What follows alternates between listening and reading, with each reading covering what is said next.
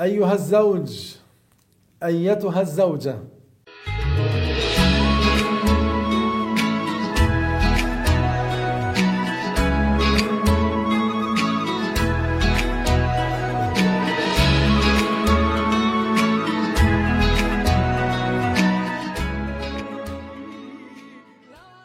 الحمد لله وصلى الله وسلم على رسول الله. أما بعد فقد قال رسول الله صلى الله عليه وسلم خيركم خيركم لأهله وأنا خيركم لأهلي. معناه الذي يحسن معاملة زوجته يعاملها بالعطف والرحمة والتواضع والإحسان والعفو إذا هي أساءت يكون من أفضل الرجال يكون من أفضل الرجال. مع العمل بالشريعة. لأن الذي يكون مع امرأته هكذا يكون مع الغير هكذا. إذا كان في البيت مع امرأته لا يحتاج أن يتكلف. إذا كان هذا حاله في بيته مع من؟ مع زوجته. فمع الغير يكون هكذا. ولكن كثير من الرجال على خلاف هذا الحديث يعاملون نساءهم. لا يتواضع معها. بل يترفع عليها. هذا لا ينبغي. لا ينبغي أن يترفع الواحد على زوجته بل ينبغي أن يتواضع معها ويحسن إليها ويصفح ويعفو عن سيئاتها. ولا يقابل ولا يقابل الإساءة بالإساءة. ولو كان الشخص زوجة عقلها ضعيف فليدارها يعاملها بالمداراة بالحكمة. الطفل عقله ضعيف كيف تعامله؟ أليس بالمداراة أليس بالرحمة والحكمة والشفقة؟ فإذا المطلوب أن يعامل زوجته المعاملة الحسنة. فعن أبي هريرة رضي الله تعالى عنه أنه قال قال رسول الله صلى الله عليه وسلم استوصوا بالنساء خيرا فإن المرأة خلقت من ضلع وإن أعوج ما في الضلع أعلاه فإن ذهبت تقيمه كسرته وإن تركته لم يزل أعوج. فاستوصوا بالنساء. صلى الله عليك يا سيدي يا رسول الله. كذلك ورد حديث آخر في حق معاملة الزوج والإحسان إليه وطاعته. فعن أم سلمة رضي الله تعالى عنها أنها قالت قال رسول الله صلى الله عليه وسلم أيما امرأة ماتت وزوجها عنها راض دخلت الجنة. أيما امرأة ماتت وزوجها عنها راض دخلت الجنة وقال عليه الصلاة والسلام أعظم الناس حقا على المرأة زوجها. وكذلك لو عرفت أن إحدى الصحابيات عندما عرفت حق زوجها عليها رفضت أن تتزوج.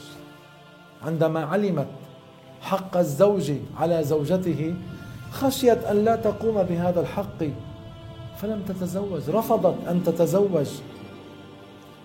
فإن الزوج إن كان يعامل زوجته بالعدل بلا ظلم وهي أطاعته ولم تقصر في حقه يوم القيامة لا يفر هو منها ولا تفر هي منه. أما إن كانا يتعاملان في الدنيا بالظلم يوم القيامة إذا كان هو الذي ظلمها يفر منها يتمنى أن لا يلقاها. وإن كانت هي ظلمته تفر منه تتمنى أن لا تلقاه. ولكن أين المفر؟ وهذا من معنى يوم يفر المرء من أخيه وأمه وأبيه وصاحبته وبنيه. والرسول عليه الصلاة والسلام قال اتقوا الظلم فإن الظلم ظلمات يوم القيامة. فالمرأة إن كانت تعامل زوجها بالإحسان مع إساءته والرجل إذا كان يعامل زوجته بالإحسان وهي تسيء إليه له مزيد أجر عند الله تبارك وتعالى. لأن كسر النفس بالحق عند الله تعالى درجة عالية. من فعل ذلك له درجة عالية. فالرجل إذا أساء إلى زوجته فضربها بغير حق يستحق العقوبة في الآخرة. وإن منعها النفقة وهو قادر يستحق العذاب في الآخرة. كذلك المرأة المرأة إذا آذت زوجها. إذا كانت لا تشكره على الجميل إذا غضبت غضبة تقول له ما رأيت منك خيرا قط. وهو أحسن إليها الدهر. وهو أحسن إليها الدهر. وتقول له أنا ما رأيت منك خيرا قط. والعياذ بالله. وهذا فيه كسر لقلب الزوج. وهذا إنكار. هذا إنكار إحسان الزوج. وكسر لقلبه وهذا يكون معصية كبيرة والعياذ بالله تعالى. فلذلك علم الدين هو الذي يدلك على حقوق زوجتك عليك. علم الدين هو الذي يدلك على حقوق زوجك عليك. فالإنسان إذا لم يبرئ ذمته في الدنيا الخصومة هناك أشد. يظهر الحق ذلك اليوم فيقتص للمظلوم من الظالم. قال الله تعالى ثم إنكم يوم القيامة عند ربكم تختصمون. الخصومة هناك يظهر فيها الحق على التمام ودعوة المظلوم مستجابة.